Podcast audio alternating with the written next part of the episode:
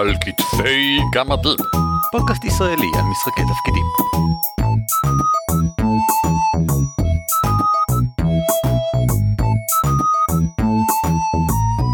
שלום וברוכים הבאים לפרק המאה ושלוש של על כתפי גמדים. זהו פודקאסט ישראלי שעוסק בתחביב משחקי התפקידים. שמי הוא ערן אבירם.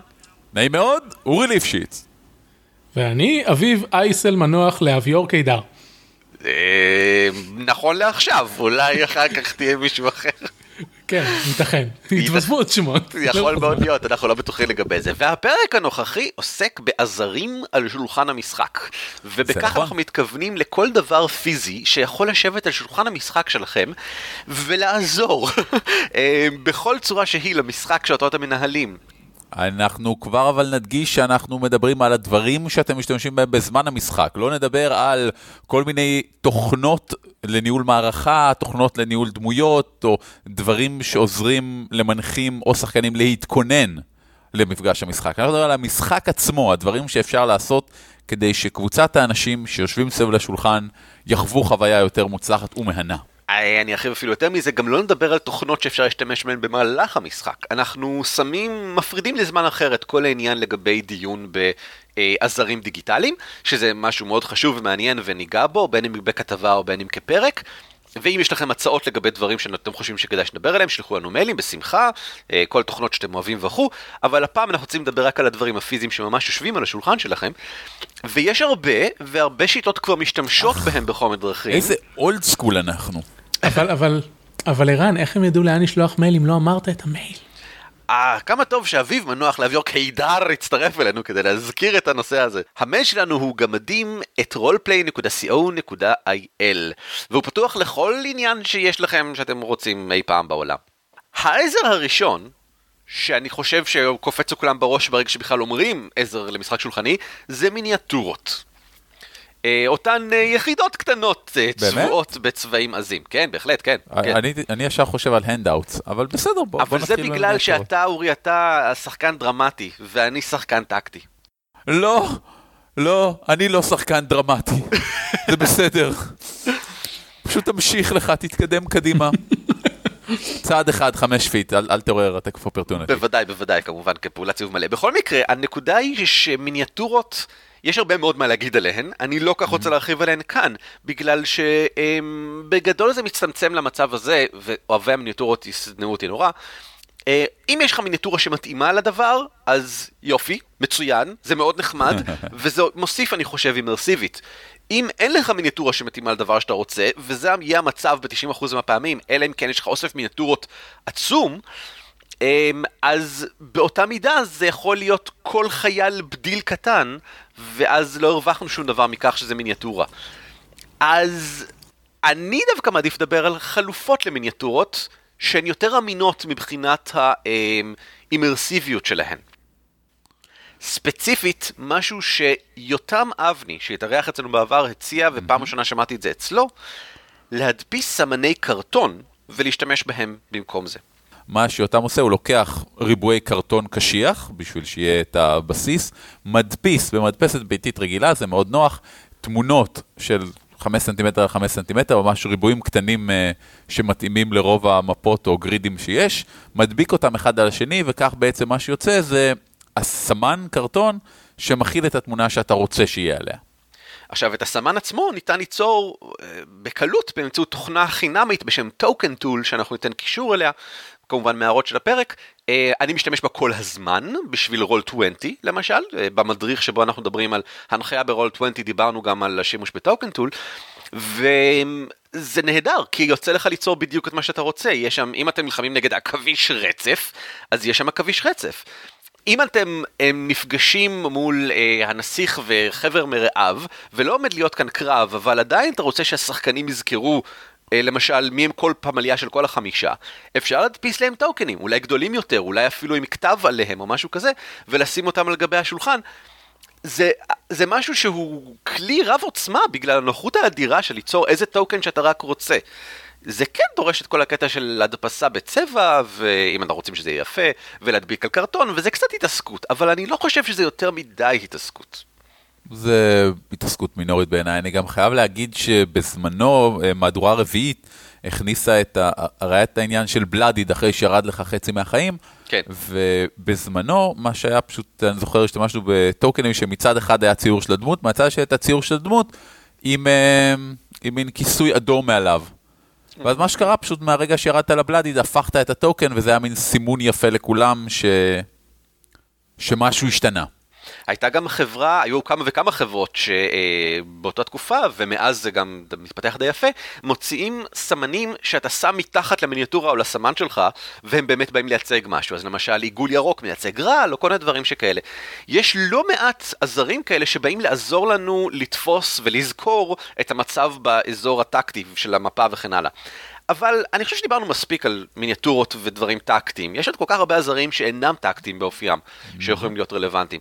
אז דבר איתי, אורי, מה זה העזרי שחקן שדיברת עליהם?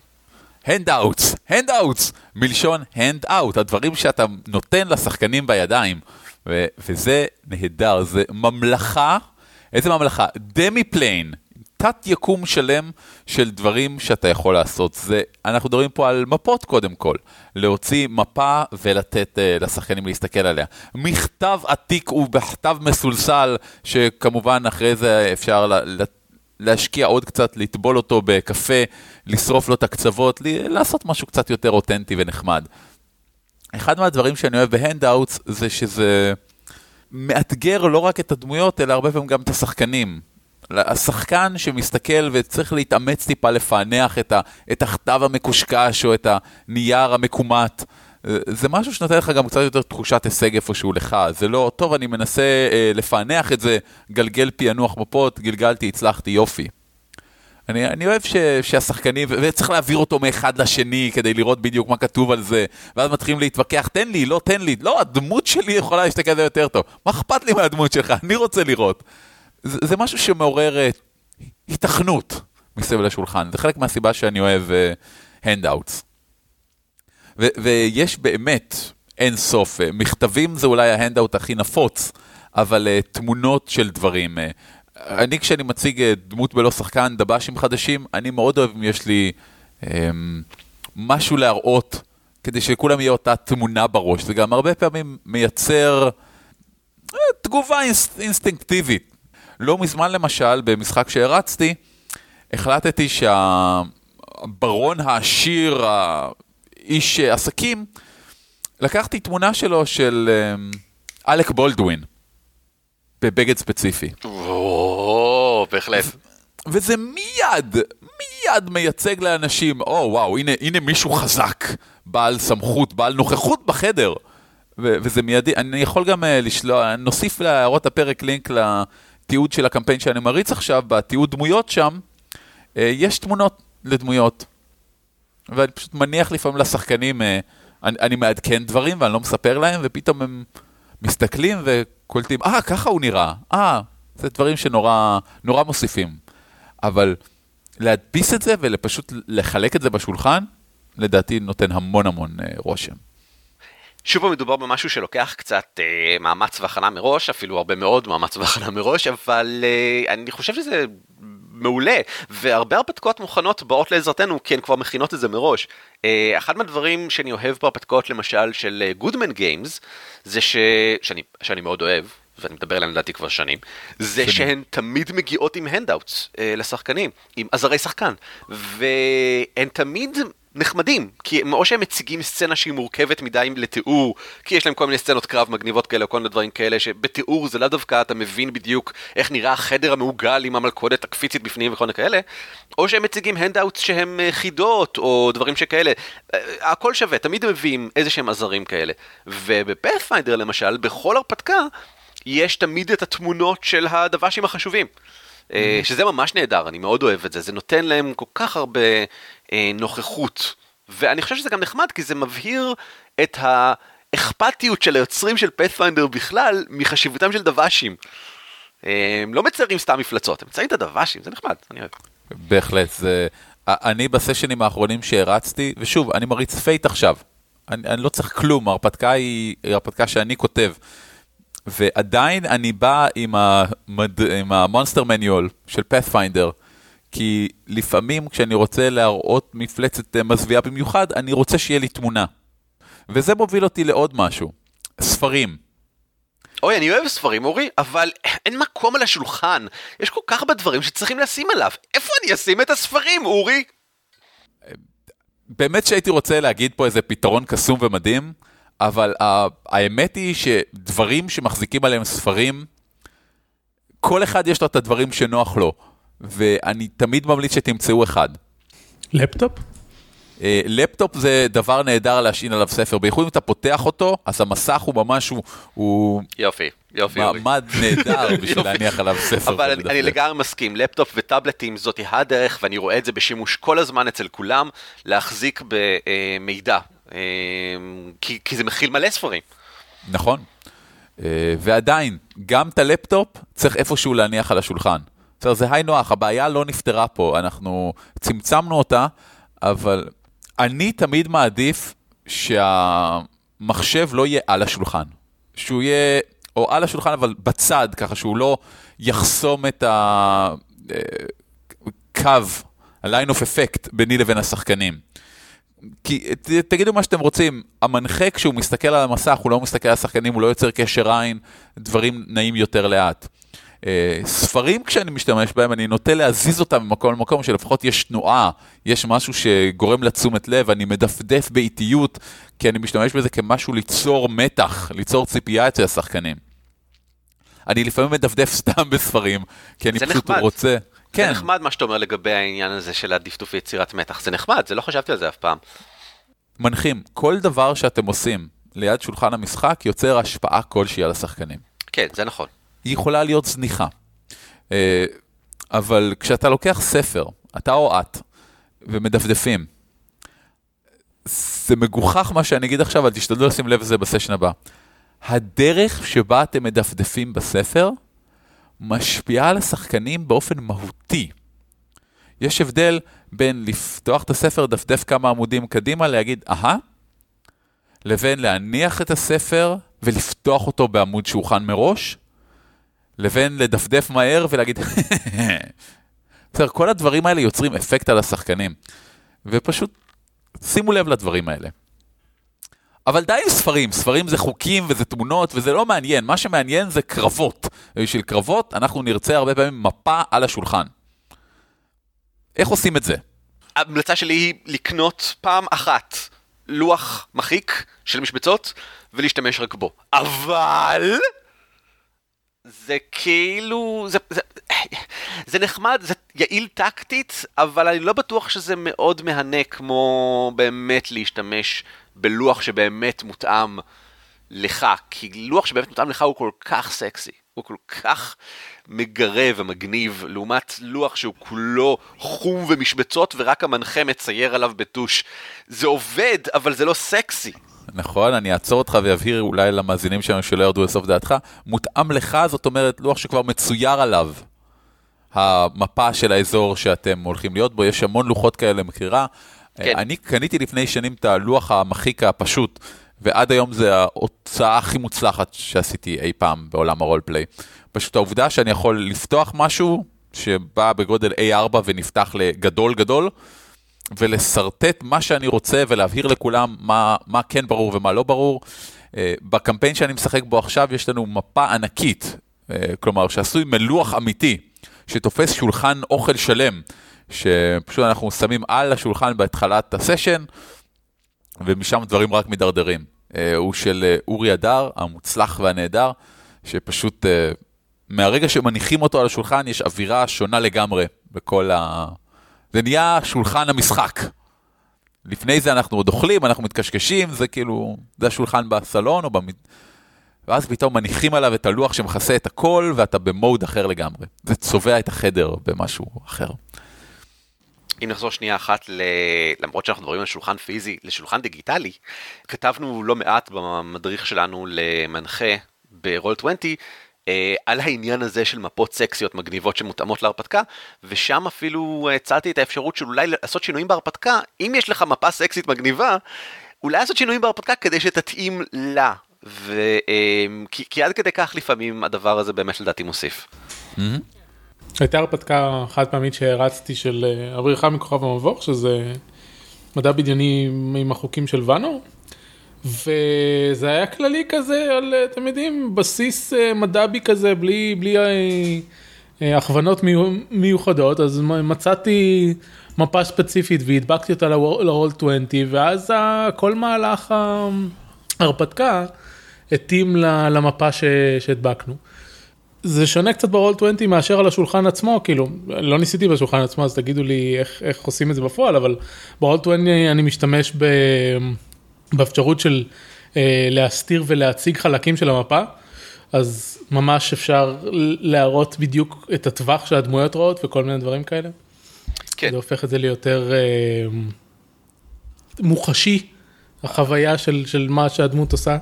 אני בדרך כלל הולך הפוך. אני, אם יש לי מפה שהיא נהדרת, אני נותן, פשוט נותן לשחקנים, לדמויות, למען האמת, לגלות איך המקום נראה קודם, ואז זה לא מפתיע אותם. אני, אני אוהב את זה. אוקיי. כמה פעמים קניתי מפות uh, קנויות מוכנות, של uh, רובע הגנבים או המסבעה האפלה, ולא פתחתי את המפה לפני הסשן, ככה שגם אני אופתע. אה, זה מעניין. אבל אורי, אתה, אתה כמנחה תמיד אוהב להפתיע את עצמך. יום אחד נדבר על ההרפתקה שהרצת, שהיא מפתיעה את עצמך גם כן, זה נחמד. כן, תעלומת הרצח. תעלומת הרצח שבו אה, אחד מהשחקנים הוא הרוצח, אבל אני בתור המנחה לא יודע מי מהם. בהחלט. אמ, דיברנו מספיק על מפות. מפות, מפות, מפות, כן. מפות, מפות, מפות. רגע, האמת שלא דיברנו מספיק על מפות. אוי, אלוהים דיב- אדירים. דיברתם על, התחלתם את נושא המפות בהקשר של אה, קרב וטקטיקה וזה, ורציתי רק להזכיר שמפות זה טוב גם לא בשביל קרב וטקטיקה, אלא בשביל אווירה בכללי. יש אה, משחק שאני מתכנן אה, שירוץ בביגור, שאני פשוט הולך להניח על, ה, על השולחן מפה של כל העיר לונדון. אה, וזה משחק חקירה ויוצגו על המפה כל מיני דברים כמו איפה נמצאו הגופות ש, ש, של הקורבנות בחקירה ו, וכל מיני דברים כאלה, כלומר גם בשביל אווירה כללית זה... שני דברים. א', אביב, שום דבר טוב לא קורה בלונדון. שום דבר טוב, אף פעם. הימנע מלונדון. זה דברים הכי טובים קורים בלונדון בשבוע הבא. אני מסתכל עליך, ערן, ועליך, אביב, נבלים. שתיים, אה, מעצם, בוא נעצור רגע וניקח את הדברים שאמרנו עד עכשיו. מעצם מה שאמרת עכשיו, לי ברור לגמרי ש handouts במשחק שלך חייבים להיות אה, תמונות של זירת הרצח, תמונות של, אה, אתם יודעים, הציור גיר הזה, סביב גופות. זה של, מעניין אה, הרעיון הזה שלך. כן, זה, זה ברור, זה א' ב', כי אתה עושה murder mystery. Murder mystery, כולנו ראינו מספיק טלוויזיה כדי לדעת מה ה handout שיש. אה, לתת לדוגמה, אמ, נו, את הדוח אה, הרצח. נתיחה לאחר המוות, כלי הרצח, שהשחקנים יוכלו להחזיק אותו. אמ, אתה רוצה שאני אביא אקדח טעון לכנס, כן? אקדח טעון במערכה הראשונה, מנחה מת בקמפיין פינאלי. אני חושב שזה יותר מזה, אבל זה גם מראה שהמפה בעצם משמשת, כמו שהיא בעצם משמשת גם במשחק טקטי, לתיאום בין כולנו כדי להסכים על מהי האמת, מהו המציאות, לוודא כן, שכולנו מדברים על אותו דבר. ואני חושב שהמפה הזאת של לונדון מאוד עוזרת באמת לסגור את כולנו על המקום, ועל כל, שלא לדבר על כך שהיא גם עוזרת ברמה האסטרטגית. אה, כן אפשר לתכנן דברים על פיה, זה לא רק אה, תראו איזה אווירה מגניבה, זה גם, רגע, לא יכול להיות שהוא עבר את כל המרחק הזה בחמש דקות, בטח מישהו אחר עזר לו ודברים כאלה. אה, זה, זה פשוט משהו שכדאי לחשוב עליו, אני מסכים, מעבר למשחקים טקטיים נטו. בקמפיין מגניב. ששיחקתי בעבר בלונדון, פרפקטו מובילה, היה באמת, אה, הסתובבנו ברחבי אה, לונדון, ובחצי הראשון של המערכה לא הייתה מפה. וזה היה לפני שאי פעם הייתי בלונדון. מהרגע שמפה התווספה לעניין, זה כל ה... הכל נהיה הרבה יותר אמיתי. אבל אלוהים אדירים, יש לנו כל כך הרבה לדבר עליהם. אנחנו מדברים על כל מיני דברים כל כך אה, ספציפיים. בואו נדבר על דברים לא ספציפיים, אבסטרקטיים לחלוטין. אוי, אורי, אתה והמעברונים שלך. סגווייז, אני בום. רוצה את זה בעברית, מעברונים. אה, לא, מעברון זה המנגינה שבין לבין, לא חשוב. אז ככה, יש... וורהמר פנטזי רולפליי מהדורה שלישית, שאותה אני מאוד אוהב, הייתה שיטה, אני אומר הייתה בגלל שהפסיקו לעדכן אותה, אז היא, היא בתכלס שיטה ב- בעבר, אם כי אני שלא חושב שהיא מזמן עדיין שיטה פרסמתי מצוינת. את הסקירה שעשיתי לה, אם אני לא טועה. פרסמת שוב פעם את הסקירה שעשית עליה, כן, ואנחנו כמובן ניתן עליה קישור. אה, כן, אני מסכים עם הסקירה הזאת בגדול. היא הייתה שיטה שממש הדגישה את העניין של הזרים שולחניים. בגלל שהיא באה מ Fantasy Flight Games, והם רצו להמציא את משחקי התפקידים מחדש באיזשהו שילוב בין משחקי תפקידים ולוח. אז היה שם למשל קלפים שייצגו את היכולות שלנו וכל מיני דברים. ואחד היישומים היותר נחמדים, אני חושב, שבאמת יכול להתבטא גם במשחקים אחרים, זה המדד האבסטרקטי. זה פשוט מדד, אה, סולם כזה, שהשיטה משתמשת בו לכל מיני דברים. אפשר לבנות אותו כמה ארוך או כמה קצר שרוצים, בעזרת חתיכות קרטון כאלה ששמים ביחד. אם אתם רוצים אפשר פשוט לצייר את זה על דף, זה לא שונה. אה, זה לא, אין לזה שום השלכה אחרת, חוץ מכך שחתיכות הקרטון נראות טוב, ונראות כמו חלק מהשיטה, שזה חשוב. זה, זה חשוב שמה שאתה עושה מרגיש שהוא חלק מהחוקים, והוא לא מרגיש כמו המצאה של המנחה שנפרד. וזה בא לייצג התקדמות בכל מיני דברים. למשל, עד כמה החקירה מתקדמת, עד כמה אנחנו מתקדמים בלהבין מה באמת קרה כאן. ואפשר למשל של אותו מדד יתקדמו שני דברים, יתקדם עד כמה החקירה שלנו, עד כמה אנחנו מבינים, לעומת עד כמה הזמן מתפתח, או עד כמה היריבים מתפתחים. כמעט בכל הרפתקה שלהם יש אה, מדד שכזה ועליו שני דברים שרצים, או רצים אחד לקראת השני. למשל, יש הרפתקה אחת שלהם שבה יש קבוצה של אורקים, קבוצה של גמדים, והקבוצה של הדמויות. אני רוצה להיות הגמדים. כולן באות לידי ביטוי על גבי אותו מדד, כאשר האורקים מתקדמים בקצב קבוע, כל פעם שהדמות, שהדמויות מסיימות סצנה, אז האורקים מתקדמים צעד אחד קדימה, אה, לקראת להגיע לאיפשהו, כל, כל החבר'ה האלה נמצאים באותו איזשהו מקום, תקועים באיזשהו מקום. הדמויות, לעומת זאת, מתקדמות לפי הבחירות שלהם, שלהם, והצלחה כן. בגלגולים וכל מיני דברים שכאלה. והגמדים גם כן מתקדמים לפי אה, הצלחה של הדמויות וכן הלאה, רק שהגמדים, אם האורקים יגיעו אליהם ראשונים, אה, אז חבל. וזה ישפיע על המערכה, זה ישפיע על הסצנה הסופית, כי אז זה יהיה קרב גדול שבו האורקים ניצחו כבר את הגמדים. אה, אם אנחנו נגיע לשם לפני, הגמדים עוד יכולים לעזור לנו. הרבה דברים יכולים להיות מושפעים מזה. בכלל, המדדים בוורהמר, גם הרעיון של למדוד את המתח בתוך הפארטי כמדד אבסטרקטי שאתה רואה מול העיניים, שהולך לפלוס ומינוס, כמה, כמה אתם מאמינים אחד לשני, תומכים אחד בשני או משפיעים אחד על השני, אה, עוד משהו. אני זוכר את השיטה מאוד בחיבה מהמדדים שלה. אה, בנוסף, יש להם גם מדדים מאוד ספציפיים. למשל, אחת ההרפתקאות הגיעה עם שלושה בתי אצולה, שההרפתקנים יכולים לנסות uh, להתחבב עליהם, ולכל אחד מהבתי האצולה יש קלף, והקלף לא רק רשום עליו איזה בונוסים ואיזה דברים, ומה המקום שלו בעיר, וכל מיני דברים כאלה שהוא יכול לתת לשחקנים, אלא גם אה, מדד. וכשהשחקנים עושים משהו שמוצא חן ביניהם, אז המוניטין שלהם בעיני בית האצולה עולה בצעד אחד. עכשיו, כמובן שזה יכול להיות משהו שפשוט המנחה רושם לעצמו מאחורי המסך שלו ו whatever, אבל כשזה יושב על השולחן באופן בוטה וגלוי, וכל השחקנים יכולים להסתכל על זה, ואם הם למשל רוצים, רגע, מה בעצם המצב שלנו איתם, ומה המצב שלנו איתם, יכולים במבט אחד לראות מה כל בית האצולה חושב עליהם, ויכולים גם אה, לראות את הרקע על בית האצולה, כי כמו שאמרנו מקודם, הזרים, אם יש להם גם טקסט, אז זה נחמד, השחקנים יכולים לקרוא ולהיזכר להיזכר בכל מיני דברים חשובים לגבי המקומות האלה והדברים האלה. אתה, אתה דיברת הכי הרבה בעולם עכשיו, אבל אמרת דברי טעם. עוד לא סיימתי, רק... זה הכי יוס... חמור. זה הכי חמור, אני רק אוסיף שזה לא חייב להיות מדדים אבסטרקטיים. ב Fate יש לך נקודות גורל, ב Savage Worlds יש לך bennies, וכשאתה מקבל את הדברים האלה ליד שלך, והם שלך, הם שלך, הם שלי ה bennies האלה. הנקודות גורל האלה הם של אורי, ואורי ישתמש בהם כשהוא צריך. אתה נורא נקשר אליהם. כשלוקחים לך את זה, זה הרבה יותר כואב, וכשאתה מבזבז או מנצל את זה, זה הרבה יותר מספק. וגם אתה מרגיש שהפסדת משהו, שהשקעת ולא רק ביצעת. ואני חושב שזה עוד אחד מהדברים שייצוג פיזי עושה טוב יותר מכל דבר אחר. אתה מרגיש כשמשהו נלקח ממך, אתה מרגיש כשאתה מרוויח משהו, אתה רואה את הערימה הזאת של דברים על השולחן גדלה או קטנה. מסכים לגמרי, לגמרי. ואם אנחנו מדברים על זה כבר, אז הנה למשל משהו אה, מהעידן ה-13, שדיברנו עליה והצגנו אותה בעבר, ולכן פשוט ניתן קישור כבר למקום שמרחיב את היכולות שלה, ואני לא אסביר מהו יחסי אייקון, כי כבר הסברנו את זה שם. אבל אה, הם ממליצים להשתמש בקוביות שייצגו את יחסי האייקון שלך, שזה הגיוני, כי אתה מגלגל את הקוביות האלה בתחילת המפגש. אז פשוט תשמור אותן אצלך, באופן פיזי, על דף הדמות שלך, או באזור שלך של השולחן, וככה אתה יודע בדיוק איזה יחסי אייקון עוד לא נוצלו. הם יושבים ממש מולך, וברגע שאתה מנצל אותם, אתה מעיף את הקובייה. וזה משהו שאתה לא יכול לשכוח, זה יושב לך על דף הדמות, ככה שאתה לא תגלה בסוף המפגש שבעצם לא ניצלת את אחד מהדברים הכי מעניינים שאתה יכול לעשות, כי יחסי אייקון זה ממש מגניב. ב- יש משהו דומה גם ב Marvel Heroic Roleplaying, שיש שם אה, מכניקה שנקראת אה, מאגר האובדון, The Doom Pool, והיא מייצגת איך המצב בעולם מידרדר לאורך ההרפתקה. וכל מדי פעם שכשהשחקנים מנצלים אה, כל מיני יכולות שלהם, המאגר הזה גדל, וזה מאגר של קוביות שנמצא אצל המנחה. והוא יושב שם וכל פעם נוספות לו עוד קוביות, עוד קוף 4 ועוד קוף 8 ו- ועוד זה, ואז מתישהו המנחה מחליט ליצ- לנצל את זה. והשחקנים מרגישים את הכובד של האבדון הזה שתלוי להם מעל הראש.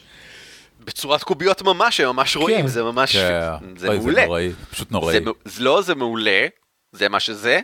Uh, משהו דומה קיים גם בשיטה של אה, Edge of the Empire וכל השיטות, עכשיו, עכשיו כבר יש שלוש שיטות של סטאר וורס, אז אני לא יכול להמשיך להגיד Edge of the Empire, mm. uh, שבהן יש את Points, uh, נקודות הגורל, ששחקנים והמנחה יכולים כל אחד לשרוף כדי לחזק את עצמם, ברגע שהם שורפים אותן, הן מתהפכות לצד השני. נקודת uh, light side הופכת לנקודת uh, dark side ולהפך, mm. והן יושבות nice. באמצע השולחן, כך שכולם רואים מה הפוטנציאל של השחקנים או של המנחה בכל רגע נתון להשפיע על מה שעומד לקרות. נייס. כן, זה ממש ממש סבבה. אמ, אם מדברים על דברים שיושבים באמצע השולחן, אני אחזור שנייה לוורהמר, לדף החבורה, המצאה של וורהמר שעוד לא כל כך ראיתי במקומות אחרים וחבל. לא ראיתי כן. בשום מקום. זה, וזה, זה על גבול המבריק בעיניי, זה כמו שלשחקן יש את הדף של הדמות שלו, אז יש דף שמייצג את כל החבורה, ודפים שונים לחבורות שונות. אה, חבורה של אה, דיפלומטים, יהיה להם דף חבורה שונה מחבורה של לא יוצלחים אה, אבודים ברחבי לא יודע מה. אמ, והדף הזה לא רק אה, שהוא נותן יכולת מסוימת בהתאם לכל החבורה, בהתאם לאיזה סוג חבורה זאת, הוא גם עוקב אחרי שני דברים חשובים. אחד, זה היכולות החבורתיות שאנחנו מוותרים עלינו. בוורהמר אתה יכול לוותר על כישרון אישי ולשים אותו בתוך החבורה, ואז לכל החבורה יש גישה אליו. וזה בא לייצג את העובדה שאני תורם משהו מעצמי לכולנו, אני לא מקדיש את תשומת הלב שלי מהבחינה הזאת, למשל אם אני ממש חמקן ואני יודע להתחמק מעולה, אה, אז יכולת החמיקה המעולה שלי אה, מהשטיק שמאפשר לי, אה, לא יודע מה, להתגנב באופן מעולה איקס כלשהו, אז הוא רלוונטי לכולנו, כי אני משגיח שכולנו נעשה את זה כמו שצריך, או כי אחרים מקבלים ממני רמזים, או בהשראתי, או whatever. וזה זה ממש בעצם נחמד. הקטע שאתה אומר, יש לנו מישהו שמבין בזה, אז הוא עוזר לכולם, ואתה באמת מכנית תומך בזה. בהחלט, והדבר העוד יותר חשוב בעיניי זה מדד המתח בחבורה. כי בוורהמר, בתור שיטה שאוהבת להעניש אותנו על הכל, יש, אם יש מתח בתוך החבורה, אם אה, אנשים מתווכחים ביניהם ממש באופן רציני, לא מצליחים להחליט על דברים, אה, אפילו אם זה ברוח טובה, להפך, במיוחד אם זה ברוח טובה, אם זה הדמויות עושות את זה אבל לא השחקנים, אה, אם ה- ה- לא יודע מה, אשף יורה כדור אש ופוגע גם בגמד, כל מיני דברים שקורים, המתח עולה בחבורה. וכשהוא מגיע לרמות מסוימות, כל השחקנים מאבדים אה, תשישות ומאבדים אה, אה, מרץ וכל מיני דברים כאלה שזה מונחים שוב פעם בתוך השיטה, שהם גם כן מולים בפני עצמם, ויום אחד נדבר עליהם יותר בהרחבה. ושוב פעם, כל החבורה יכולה לראות בדיוק מה מצב המתח. הם לא צריכים לזכור שאנחנו אה, לפני חצי שעה התווכחנו זה עם זה, אנחנו כבר לא זוכרים בדיוק על מה היה איזשהו משהו, אנחנו כבר לא זוכרים שבמפגש הקודם זוכרים איזשהו משהו, אבל אנחנו רואים איך זה מצטבר לאורך זמן. אם אנחנו השחקנים לא כל כך אינטואיט, זה מזכיר לנו שהדמויות הן כן, שהדמויות לא שכחות, שהדמויות אה, חיות בקבוצה עם אנשים אחרים שלאו דווקא תמיד מסתדרים, והמתח ביניהם הולך ועולה עד שהוא מגיע לאיזשהו קתרזיס, ואנחנו רואים את זה בדיוק בצורת מספר ברור על גבי אמצע השולחן שלנו, זה ממש נחמד. ואני יודע שהרבה אנשים יגידו עכשיו, רגע, אבל זה רק מקשה עלינו ופה, ואתם טועים, כי מה שאתם צריכים להגיד זה, Oh my God, it makes for a better story. זה מה שחשוב פה. עכשיו תגיד את זה בעברית. אלוהים אדירים זה יוצר סיפור יותר מעניין. הסיפור נהיה יותר טוב, זה מה שיפה כאן. עכשיו בפונג'אבי. הפצ'קציה, ועדה הוקה. אה, מעולה. נמשיך הלאה. משולשי שמות. אמ, אחד מהדברים אני עשיתי בכל כמעט משחק אה, חד פעמי או כנס שעשיתי, ואני חושב שהוא גאוני ואני לא מבין למה לא עושים אותו, אני עושה משולשי שמות לשחקנים, אבל אני גם רושם מתחת את השם של הדמות ותיאור של שורה אחת. אמ, כי מה שקורה הוא שאתה לא מכיר את האנשים שאתה משחק איתם בכנס, ואתה לא מכיר את הדמויות שלהם, וזה שיש לך את ההבחנה הזאת של שניהם, עושה הרבה סדר, לדעתי. אה, אוקיי, זה שאול, והוא משחק את הפלאדין הגאה אחמינג'אד. אז אני יכול ישר להגיד את השמות, וככה ברור לכולם אם אני מדבר לשאול או לאחנג'אד. אני גם תמיד מעדיף לדבר את השם של הדמות, כי mm-hmm. זה, זה יותר אימרסיבי. במשחק כנס, אחרי שבכל מקרה אני צריך לזכור כל כך הרבה שמות, אני מעדיף לזכור את השמות של הדמויות ולא את השמות של השחקנים, שזה לא, אף פעם לא יקרה. אז זה מאוד עוזר לי. זה, זה, זה עוזר לי באופן הכי ישיר וישים, אבל אני חושב שאפשר לקחת משולשי שמות אפילו צעד אחד מעבר לפשוט לזכור במי מדובר ועל מה, ולהשתמש בהם גם במשחקים שאינם משחקי כנס. אני עוד לא עשיתי את זה, ואני לא בטוח אם אתם תרצו בעצמכם, אבל מה אם לא רושמים רק את השם ואת השורת uh, פלאף, אלא גם נתונים ממש. למשל, המנחה, במקום שיהיה אצלו רשום את כל הנתונים של כולם, כמה נקודות פגיעה, או לא יודע מה, או לא נקודות פגיעה, אבל נגיד כמה אה, דרגה שיש לך, או מה התוסף כוח שלך, או כל מיני נתונים שהם רלוונטיים במשחק שלכם, אה, יהיה אשר יהיה, למה לא לרשום אותם על משולש השמות? על משולש השם בעצם. אה, התשובה האינסטינקטיבית שלי היא כזה דברים שמתעדכנים, אבל לא, אין שום סיבה לא לכתוב את, ה, את המקסימום של כל הדברים האלה, לדעתי זה מייצג מאוד יפה את זה ש, שדמות אחת יודעת שדמות אחרת היא מאוד שרירית. או מאוד חזקה, או נלחמת ממש טוב.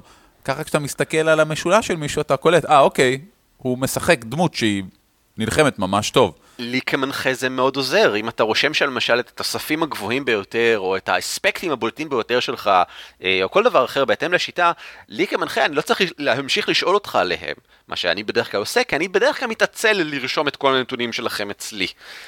אה, אבל זה גם יותר מזה, הצד השני של משולש השמות, זה שפונה אליי, יכול לעשות את אותו דבר. אני יכול לרשום עליו את התקציר של עיקרי דף הדמות שלי, את הדברים הבולטים שבהם אני משתמש תמיד, תוסף ההתקפה של הנשק העיקרי שלי, דברים כאלה. מה שאומר שאני לא צריך להשתמש בדף הדמות רוב הזמן, והוא לא חייב לתפוס מקום על השולחן, הוא יכול לשבת בצד. זה נכון במיוחד אם דף הדמות שלי הוא דיגיטלי, ואני משתמש בעצם בטאבלט או מחשב נייד, וכמו שאמרנו מקודם, הם בכל מקרה תופסים עליהם מקום על השולחן, ואנחנו קצת מעדיפים לשים אותם בצד, כי הם יוצרים מסכים וכל הדברים האלה. אז אם הכל מרוכז מולי בקטן, אז זה חמוד, לא? אני חושב שזה חמוד. אני חושב שזה בעיקר יפה, אבל כמו שאני תמיד אומר, זה יוצר איזשהו אפקט על השולחן. האם האפקט הזה משהו שאתה רוצה לעודד? תעשה את זה. והאפקט פה הוא בהחלט תורם, לדעתי. אמ, נניח במשחק של אביב, שהוא יריץ, כן. הייתי נותן משולש שמות עם שם השחקן, שם הדמות, ולפני שם הדמות הייתי שם את הדרגה שלו. אה, רב פקד, חוקר, crimes אה, investigation, אה, אזרח, יועץ. ככה גם אפשר לדעת איך לפנות אליו למשל. זה מעניין, אני אוסיף את זה ספציפית במשחק שלי ואנחנו לא יודע אם התכוונו לדבר על זה אחר. לא נספיילר, לא, לא, אל לא, תספיילר. זה לא ספוילר. ספציפית במשחק שלי לפני כל שחקן עומדים לעמוד קלפים מצוירים עם ייצוג של הדמות שלהם. אה, עכשיו שאתה מדבר על זה, אז אולי גם אני אוסיף לזה את השמות באמת. אה, וגם כל היכולות ומה שזה לא יהיה שלהם הולכים להיות בצורה של קלפים, לא הולכים להיות דופי דמות בכלל. אז זה הכל אה, מחלקים קלפים לשחקנים וזה הולך להיות מגניב. הם משחקים שוטרים? הם כאילו חוקרים? לא ממש, זה סוג של סייבר פאנק, אז הם הולכים להיות אה, סוכני תאגיד שנשכר לבצע ככה וככה. קנית אותי, אני רוצה לשחק אצלך. אמ, מגניב. אני, אני רוצה להגיד משהו לגבי אה, עוד דברים. יש את דף היוזמה. דיברנו עליו בעבר, על כך שאחד השחקנים, לדעתי, לדעתנו, אמור להיות אחראי על היוזמה, אין סיבה שהמנחה יעשה את זה. זה סמכות שהמנחה ראוי וכדאי שיאציל על אחרים. אה, אם אנחנו צריכים לעקוב אחרי משהו, אין סיבה שהמנחה יהיה זה שעוקב אחרי זה. אז כבר דיברנו על כך שישנו למשל את המדד את המדדים האבסטרקטיים של וורהמר שהם נעקבים שוב באמצע השולחן אה, והמנחה לא צריך לעשות זה בפני עצמו אלא בעצם אחרים יכולים לעדכן אותם גם כן, יוזמה זה בדיוק אותו דבר. רק שישנו משהו מיוחד לגבי יוזמה שראיתי, שני, שני שטיקים מעניינים לגבי יוזמה שכדאי להכיר, אולי תרצו להשתמש בכם גם. האחד זה להשתמש בלוח מחיק גדול שנמצא על הקיר מאחורה. בכלל לא על השולחן. Crazy. אמ, כן, גוב, גובל במטורף, אבל זה רעיון ממש נחמד, אני רואה את זה במלא מקומות אה, באינטרנט, ביוטיובים וכאלה. אמ, שוב פעם, לא המנחה, על המנחה יש מספיק מה לעשות, אחד השחקנים אחראי על זה, הוא כותב שם את הסדר, מוחק בהתאם לצורך וכן הלאה וכן הלאה. בכלל, לוח מחיק ענק זה משהו שאני חושב שהשחקנים ימצאו לו שימושים בכל מקרה. Uh, אף פעם לא חסר, ירשמו עליו את השמות הבולטים של דוושים שהם רוצים לחקור ולחזור אליהם, ירשמו שם סימני שאלה גדולים ליד השמות של uh, טקסים שהם שמעו עליהם והם לא יודעים מה הם עושים עדיין, וכל מיני דברים כאלה. הדרך שנייה היא להשתמש במנגנון שהוא עצמו היוזמה, למשל בעולמות פראיים מחלקים קלפים לכל אחד, וזה היוזמה שלך. זה מאוד נוח, זה מאוד קטן, זה תופס כלום מקום, ואף אחד לא צריך לזכור כלום או לעקוב אחרי זה, כי פשוט שמים קלפים, ואז פשוט בודקים מה הקלף הבא בתור.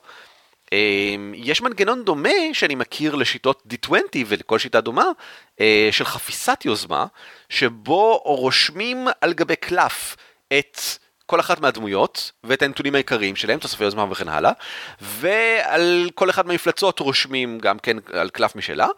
ואז לוקחים את חפיסת היוזמה הזאת ומסדרים אותה לפי הסדר של התוצאות, ואז פשוט מסתכלים על הקלף העליון, זה תורו של מי שכרגע, ברגע שתורו נגמר, שמים, לוקחים את הקלף, שמים אותו בתחתית של החפיסה, וככה בעצם משחזרים אותה שוב ושוב במעגל כזה, עד שמסתיים הקרב. שזה חמוד, אם כי זה דורש לעצור כדי לכתוב את השמות של מפצות וכל מיני דברים שכאלה, אבל בסדר, זה לא כזה אסון.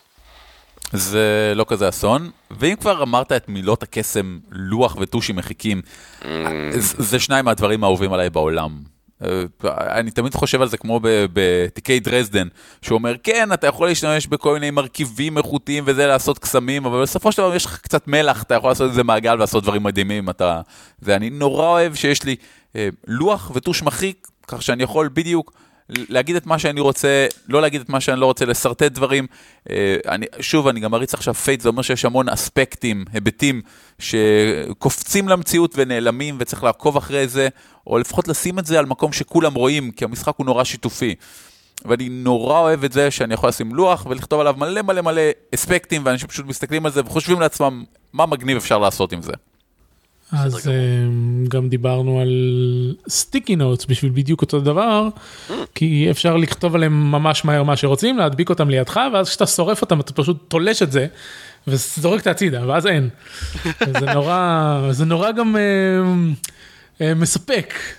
שאתה מעיף את הסטיקי החוצה או מדביק את ה...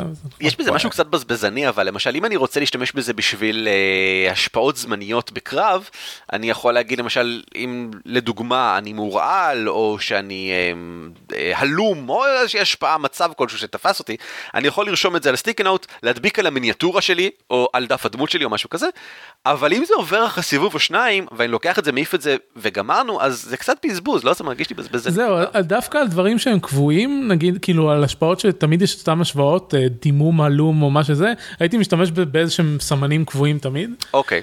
ובסטיקי נוטס יותר על דברים שהם כזה on the fly כמו אספקטים או בונז במשחקי אה, אפוקליפסה למיניהם או דברים כאילו שהם שממציאים אותם תוך כדי והם לא הם בדרך כלל לא חוזרים על עצמם. אני, אני גם מסכים עם אביב לגבי העניין של הסיפוק. כי מצבים בפייד הם, הם דברים חשובים, הם לא דברים סתמים, וכשאתה לוקח את זה, מכמת את זה וזורק את זה הצידה, כי ניצלת את זה עד תום. כן, זה מספק. בעולמות uh, בסכנה, המשחק שאביב uh, ואני משחקים בו עכשיו, יש uh, מצבים הם משהו מאוד נחמד, דיברנו על זה פעם שעברה, על איך שמצב פחות הוא uh, לא עושה כלום, אין לו שום השפעה מכנית, אבל אם מתעלמים ממנו, הוא הופך למצב בינוני, שזה כבר בעיה. והדרך אני חושב הטובה ביותר לזכור שיש לך מצב פחות זה אם יש לך סטיקי נוט על דף הדמות שלך ועליו רשום המצב אתה לא יכול לשכוח זה, זה כן. מטריד אותך זה צהוב על גבי כל דף הלבן היפה שלך וזה ממש נחמד ובאמת ברגע שהוא הופך למצב יותר רציני אפשר פשוט לרשום על גבי אותו סטיקי נוט את המצב היותר רציני גם. על דף הדמות שלך? אני מדביק לאנשים על המצח, אם כבר אז כבר. אבל אז הם לא רואים את זה, הם לא יודעים שיש להם מצב, זה כאילו הם מרגישים את הדבק. המשחק קונספירציה.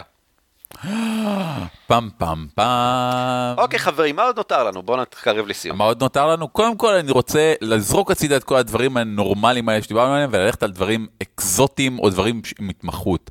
סברון. אני, סבון זה נהדר, היה סבון שיכלת לקנות עם קוביות D20 בתוכו, נכון. בכל מיני ריחות של זה, חבל שלא עושים את זה יותר. וואי, אני זוכר באחד הפרקים מזמן מזמן של Happy Jacks, שהם דיברו על אחד הכנסים, שמישהו הביא סבונים בצורות של דמויות, והשתמש במשחק שלו. נכון, ואז כל וזה- השחקנים לקחו את זה הביתה. כן, וזה היה כאילו גם בקטע של סאבטקסט כזה של אל תהיו מסריחים בכנס. אוקיי, נחמד, אבל אני מדבר יותר על דברים אה, או אקזוטיים או בעלי התמחות, למשל, אה, לי יש, קניתי בדרגון מיט בזמנו כשהיינו, אה, לוח מתקפל, שבא בגודל של חבילת קלפים, הוא נפתח למפה ענקית, וזה בא יחד בתוך אה, אריזה קטנה עם טוש הכי קטן, והאריזה היא מחק בפני עצמה. ככה שממש במשהו בגודל של פלאפון או ארנק קטן, יש לי כבר לוח מחיק שאני יכול לפתוח לגודל ענק ו- ולכתוב, זה, זה נניח משהו שממש אהבתי. אפשר להמשיך עם עזרים מסביב לשולחן, הלאה והלאה והלאה, להשתמש בעוד ועוד, אנחנו, אם תשימו לב, כל מה שדיברנו עד עכשיו, דיברנו כמעט אך ורק על חוש הראייה או טיפה מגע. לא דיברנו על ריח. במשחקים מסוימים אני מאוד הייתי שמח להדליק נר אה, ארומטי שיפיץ ריח כזה או אחר בהתאם לסצנות שנמצאים. צלילים, שלא דיברנו עליהם כי לא דיברנו על עזרים דיגיטליים, אבל זה יכול להיות גם דברים פשוטים כמו, אני תמיד כשיש צליל מחוץ לדלת כביכול, שהדמויות נמצאות בה, אומר, אתם שומעים לאט לאט משהו מתקרב. צעדה ואז טיפוף, צעדה וטיפוף, צעדה וטיפוף. ומעצם העובדה שיוצרים עוד חוש, מערבים עוד חוש בעניין, יוצרים אפקט יותר גדול. כנ"ל לגבי טעם. אה, אביב, תחשוב רגע על המשחק שלך, אם היית מתחיל אותו, ו- ושוב, ברור לי שהוא כיוון אחר, אבל אני, כשאני אשחק פעם באה משחק מרדר מיסטרי, אני רוצה שיהיו שם אה, ספלים עם קפה מר. כי זה מה שאני מדמיין את החוקרים שותים בזמן שהם מסתובבים, כוסות חד פעמיות עם קפה מריר ששותים אותו ומרגישים רע על החיים כי אתה מתעסק בגופות כל היום. קיצור, אורי רוצה להרוג את השחקנים במשחק שלו. לא, לא, אני רוצה שהם ימצאו את הרוצחים או שימותו בדרך. בניסיון, כן. טוב, צלילים אה, זה נושא שמשתמשים בו בתכלס הרבה. כן, וזה למקום אחר לגמרי, פרק אחר לגמרי שבוא נדבר על uh, מוזיקה. Uh, דבר אחרון שאני חושב שכדאי באמת להתייחס אליו זה דברים כמו, דברים שפשוט לעניין נוחות נטו, כמו מגדל קוביות או מגש קוביות, אם הקוביות שלכם נוטות ליפול, כאילו... ברור שהקוביות שלכם נוטות ליפול, מגשי קוביות זה משהו שבזמן האחרון אני רואה באמת נעשה קצת פופולרי, שזה מגש בערך בגודל של uh, טאבלט, שהוא חמוד כזה ומגלגלים את הקובייה בתוכו. ולכל אחד יש כזה, אתה יודע, בעולם אידיאלי, לכל אחד יש כזה משלו, קצת כמו הסט קוביות שלך, יש לך את המגש האישי שלך, ומגלגלים בתוכו, וזה חמוד. כן, אני ייצרתי כזה לאחרונה עבודת יד, ומה שהביא אותי לייצר את זה זה באמת אחרי שהיו לי יותר מדי משחקי כנסים שבהם אה, עבדו לי קוביות, עכשיו כולם כן. בשולחן של, שלי הולכים לגלגל בתוך המגש. אה, זהו, האם למישהו מכם יש נושא נוסף לדבר עליו בעניין הזה? אה, האמת שיש, אה, שיש משהו אה, ש... שלא הזכרנו אבל קשור לדברים שדיברנו בהתחלה וזה, נו איך קוראים להם? מאט, איך, איך, איך אומרים מאט בעברית? משטח. משטחים, כן. אה, זה לא ראיתי את זה כל כך פופולרי בארץ, אבל בחו"ל זה יותר פופולרי. שם משטחי משחק שהם שילוב של מפות ולוחות מחיקים. אה, יש, אה, יש מעטים שאפשר לכתוב עליהם עם, עם dry erase markers וכאלה. וזהו, יש כאלה שהם באים במשבצות ויש כאלה שבאים עם מפות. אני חושב שפייזו מייצרים כאלה גם לחלק מה-adventure. סביר מאוד, כן, כן. זה מעין סוג של אה, פתרון אה, היברידי בין אה, לוחות מחיקים ל- למפות. כי גם כן. אפשר לקשקש על זה ולמחוק אני ולקשקש חייב ולמחוק. להגיד שאני כהרגלי בקודש, יש לי כמה מאט שקניתי מתישהו כשהיה מכירה, ואני מדי פעם שולף אחד באקראי ועושה לעצמי את המשחק של איפה הלוקיישן הזה יתאים להרפתקה. סבבה? אה, מגניב. כן. וככה השחקנים שלי, אם מישהו מהם מאזין עכשיו ותוהה למה הם מצאו את עצמם בתיאטרון של ניו דולין, זה כי היה לי מפה ממש מגניבה של תיאטרון. בסדר גמור, תודה רבה לכם, אנחנו נעבור לחדשות ועדכונים. יש אה, די הרבה הפעם. דבר ראשון, אה, שתי חדשות מוואנור, של אביב בנוער, שנמצא איתנו. שלום, אה, אביב. הראשונה היא, אה, אביב תרגם את לייזרים ורגשות. Lasers and Feelings, שיטת משחק בעמוד אחד שמבוססת על עקרונות אה, עולם האפוקליפסה. אה, מאוד חמוד, פשוט תורידו, כי פשוט חפשו לייזרים ורגשות, או אתם יודעים, כמובן יש קישור בהערות הפרק הזה. אתה בטוח שהיא מבוססת על עקרונות מעולם אפוקליפסה? בהחלט כן, בהחלט כן. עקרונות טוב. מאוד בסיסיים מעולם אפוקליפסה, אבל, אבל כן. טוב. אה, היא אביב, מבוססת- אתה לא קשור לזה, תפסיק להפריע. היא מבוססת במקור על אה, שיר אה, שנקרא לייזרים ורגשות, אם אתם רוצים לשמוע אותו, פשוט חפשו Lasers and Feelings ותבינו את הבסיס וכן הלאה. והכותב הוא ג'ון הרפר שגם כתב את Lady Blackbird שגם תורגם לעברית בפונדק נדמה לי. אה, אם כן, אנחנו ניתן קישור. אם לא, זה ירד בעריכה. בכל מקרה, אה, החדשות הגדולות יותר כמובן היא ההכרזה הרשמית שאביב נתן סוף סוף לאדירים, משחק גיבורי על חדש שמבוסס. הפעם כן, על מנוע אפוקליפסה, ספציפית על עולמות בסכנה! שיטת המשחק, אה, ההק, ה... אה, איך, איך רציתי לקרוא להק בעברית? אה, שינוי. לא שינוי, וריאנט. פיתוח. פיתוח. פיתוח, כן. הפיתוח של uh, עולם אפוקליפסה, עולם המבוך, כל העולמות האלה לסכנה, עולמות בסכנה, לגיבורי על, אנחנו משחקים את זה כבר עכשיו, אני מאוד נהנה, זה מאוד מאוד נחמד. Uh, בדומה לוואנור, יהיה כאן עולם הערכה שלם, שאביו... בדומה לוואנור, מפתח כבר עשרות עשרות שנים, אה, ויצורף למשחק, וזה אמור להיות משהו באותו קנה מידה של ואנור, אה, 100 עמודים כזה, משהו די מסיבי, ומשחק תפקידים חדש צפוי לצאת בעוד שנה בטח, לא? משהו כזה? פלוס מינוס. עוד עניין אחד, נותרו עוד ימים ספורים לתחרות הכתיבה היוצרת של הפונדק בשיתוף עם מנקי טיים ופאת'פיינדר. ואנחנו, אם אתם רוצים לראות דוגמה למה הם מחפשים, הם, הם מחפשים שתיתנו להם אה, דמויות או מפלצות אה, מגניבות לפאת'פיינדר, כולל הנתונים שלהם, אה, והזוכה לדעתי יכול לקבל... מה, מה הוא מקבל שם? את ספר החוקים בעברית או משהו כזה? הוא מקבל איזשהו משהו הוא יקבל את. ספר החוקים בעברית בהכרזה כשיהיה. אני אה, כתבתי סאבמישן, הגשה לדוגמה, אה, שפרסמתי ממש אה, לפני כמה ימים, ואני ממליץ לכולם גם, כלומר, יש לכם דמות, פשוט תכתבו לה סיפור מעניין, רקע, ותיקחו את הנתונים הסטטיסטיים ותשלחו. אנחנו ניתן קישור לדמות שכבר הוגשה, אה, בסטר אברסקיל, מהאברסקיל של מגנימר. כן, אתם יודעים, כן, כן, ממש כזה. אני חייב להגיד לך למה זה נעשה, זה פשוט, זה מאוד מאוד פשוט. אני, היה ברור לי שאני לא יכול להגיש אותו, כי בכל זאת זה, זה אמור להיות אה, שיפוט אנונימי, ואת בסטר אברסקיל כולם מכירים. אז זה לא יכול להיות אנונימי. ואמרתי לו את זה, והוא אמר, מה? תחרות עם מקום ראשון ואני לא יכול להיות שם?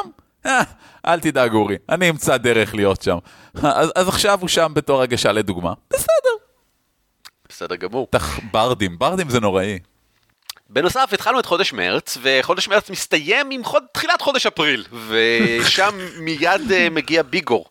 ולביגור אנחנו עושים משהו כמו 56 מיליון דברים. אה, אנחנו נדבר עליהם כמובן ככל שנתקרב, אה, וההרשמה לשחקנים עוד לא נפתחה, אז עוד אין לנו סיבה לעורר אצלכם איזשהו הייפ. אבל בגדול, הנה שניים שלושה דברים שאנחנו נותנים לעשות. בתור התחלה כמובן שנעשה אה, הקלטת חיה של פרק של הגמדים. אמ, בנוסף, אנחנו נעשה סדנה משותפת של אורי ושלי על משהו שעדיין לא הוכרז, אבל יוכרז בקרוב. לגבי אה, המענק שעליו דיברנו וכל אה, הנושא הזה שאנחנו לוקחים עוד מאז המימון אה, הגמדי, um, הסדנה תעסוק בלעזור לכם לזכות במענק המדובר והוא יוכרז כמו שצריך uh, בעוד uh, כשבועיים, אנחנו נסקר את זה כמובן בהקפה ברגע שיגיע. Uh, מעבר לכך, אני מריץ משחק ל-rule lawyers, אני לא זוכר כבר שום דבר לגביו, אבל כשהוא יגיע אז נדע. והוא אמור להיות משחק שמתפתח תוך כדי המשחק, החוקים מתפתחים תוך כדי שמנתפקים אותם, lawyers, שה- המנוולים שיהיו איתי בשולחן, ואני משתתף בטורניר חוקרי המבוכים. אה, אני עוזר לארגן אותו, הפעם לא אני המארגן הראשי, יש לנו ג'וני שעושה את זה במקומי, אני עוזר לו ואני אשתתף בהרצה שלו. אה, הוא עומד להיות מגניב ממש כמו שנה שעברה, אם לא השתתפתם אני ממליץ בחום. זה כמו הנחיה אולימפית לדעתי, זה משהו שממש, זה אירוע שכולם משתתפים בו והוא ממש כיף, אה, באווירה מאוד טובה וספורטיבית, אם כי הזוכה... ויש זוכה, השחקן שייבחר לשחקן הטוב ביותר, אה, יקבל את הבסטיארי של אה, העידן ה-13 שיושבת כאן ממש לידי. אה, ספר המפלצות של עידן ה-13 שהוא מאוד מוצלח. אם יורשה לי. ויורשה. דם דם דם. אה, אז בביגור גם יש אה, רצועת ואנור שמכילה מלא משחקים של אה, המבוססים על מנוע אפוקליפסה מלבד ואנור. יש שמונה משחקים אם אני קורא נכון את הטבלה. ששלחו לי שאני חושב שזה הכי הרבה שהיה עד כה בשנה וחצי האחרונים שוואנור רץ. כן. והדבר הכי טוב בכל העניין זה שאני לא הייתי צריך לארגן מעולם את רצועות ואנור. יש אנשים אחרים שעושים את זה כי הם אה, מופלאים ונהדרים ואני רק אה, מריץ משחק אחד שדיברנו עליו בפרק הזה. אה, זהו יהיה מגניב. אכן יהיה מגניב, לא יכול לחכות כבר. בסדר גמור. אה, תודה רבה לכם שהאזנתם. אם אה, מצא חן בעיניכם, אנא דרגו אותנו לטובה ב iTunes שלכם, או אולי סמנו אותנו לחיבה ב SoundCloud שלכם, או אולי פשוט שתפו אותנו ברשת החברתית שמוצאת חן בעיניכם, כדי שאחרים ידעו גם כן, ואז יהיו לנו יותר אנשים שמאזינים לנו. בעינינו זה חיובי, בעיניכם זה חיובי, כי יותר אנשים שמאזינים לפודקאסט שאתם מחבבים. אם אתם לא אוהבים וחושבים, מה?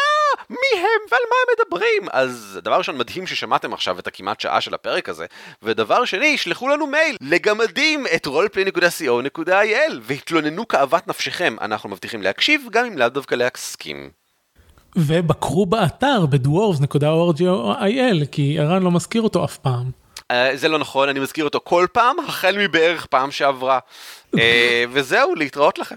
תראו את להתראות. המרבים, היחיד שיכול לפתור את המהלומה הזאת, זה אתם. בקרו באתר, שלחו מיילים, שחקו משחקי תפקידים. על כתפי גמדים משותף ברישיון שיתוף ייחוס זהה Creative Commons 3. המייל שלנו הוא גמדים את roleplay.co.il והאתר שלנו בדוורבס.org.il. ניתן למצוא אותנו גם בטוויטר, פייסבוק וגוגל פלוס.